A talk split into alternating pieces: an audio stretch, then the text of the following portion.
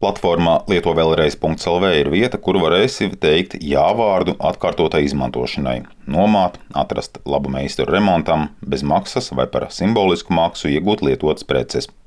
Tā šo internetu vietni piesaka projekta ieviesēji no biedrības Zero Waste Latvija. Šī digitālā platforma ir daļa no vairāk nekā 15 miljonu eiro vērta projekta, kurā Latvija apņēmusies mazināt atkritumu apjomu.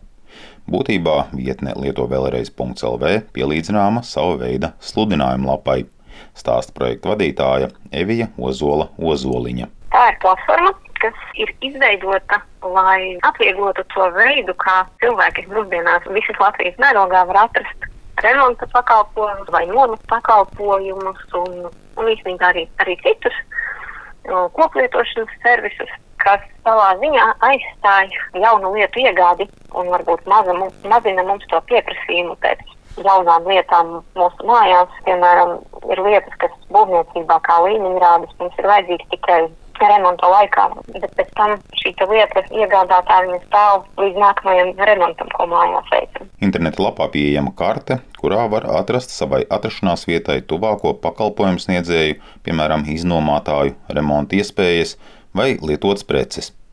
Vides aizsardzības un reģionālās attīstības ministrija vairākās aptaujās ir skaidrojusi sabiedrības attieksmi pret lietotu preču atkal izmantošanu. Ko tās parāda, skaidro ministrijas LIFE projekta ieviešanas nodaļas vadītāja Alice Vecozola. Dati mums parāda, ka Piemēram, vīrieši biežāk nekā sievietes ir iegādājas lietotus sadzīves priekšmetus un būvmateriālus. Sievietes ir tās, kas eh, vairāk nekā vīrieši iegādājas tieši lietotus tekstilu izstrādājumus, bet vēl joprojām liela daļa iedzīvotāju neiegādājas lietotas preces gan higienas apsvērumu dēļ, vai arī iedzīvotājiem nav tādas vajadzības. Piemēram, jaunieši ir tā vecuma grupa, kas biežāk mēdz iegādāties lietotas preces, savukārt vecāka gadagājuma cilvēki lietotas preces iegādājas retāk. Pētījums arī liecina, ka cilvēki ar zemāku izglītību lietotas mantas pērk biežāk nekā vairāk skolotie.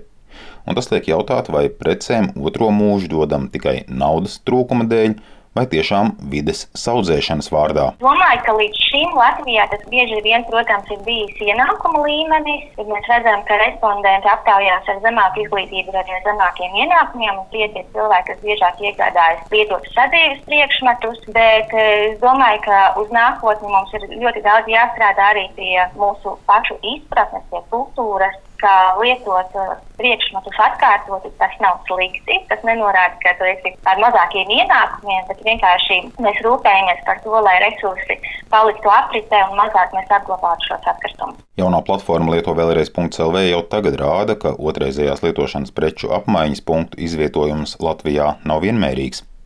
Pirms mēneša atkrituma apsaimniekošanas uzņēmums Clean Air Stopiņu novadā atklāja Latvijā pirmo būvgružu, būvniecības materiālu un remonta lietu apmaiņas punktu.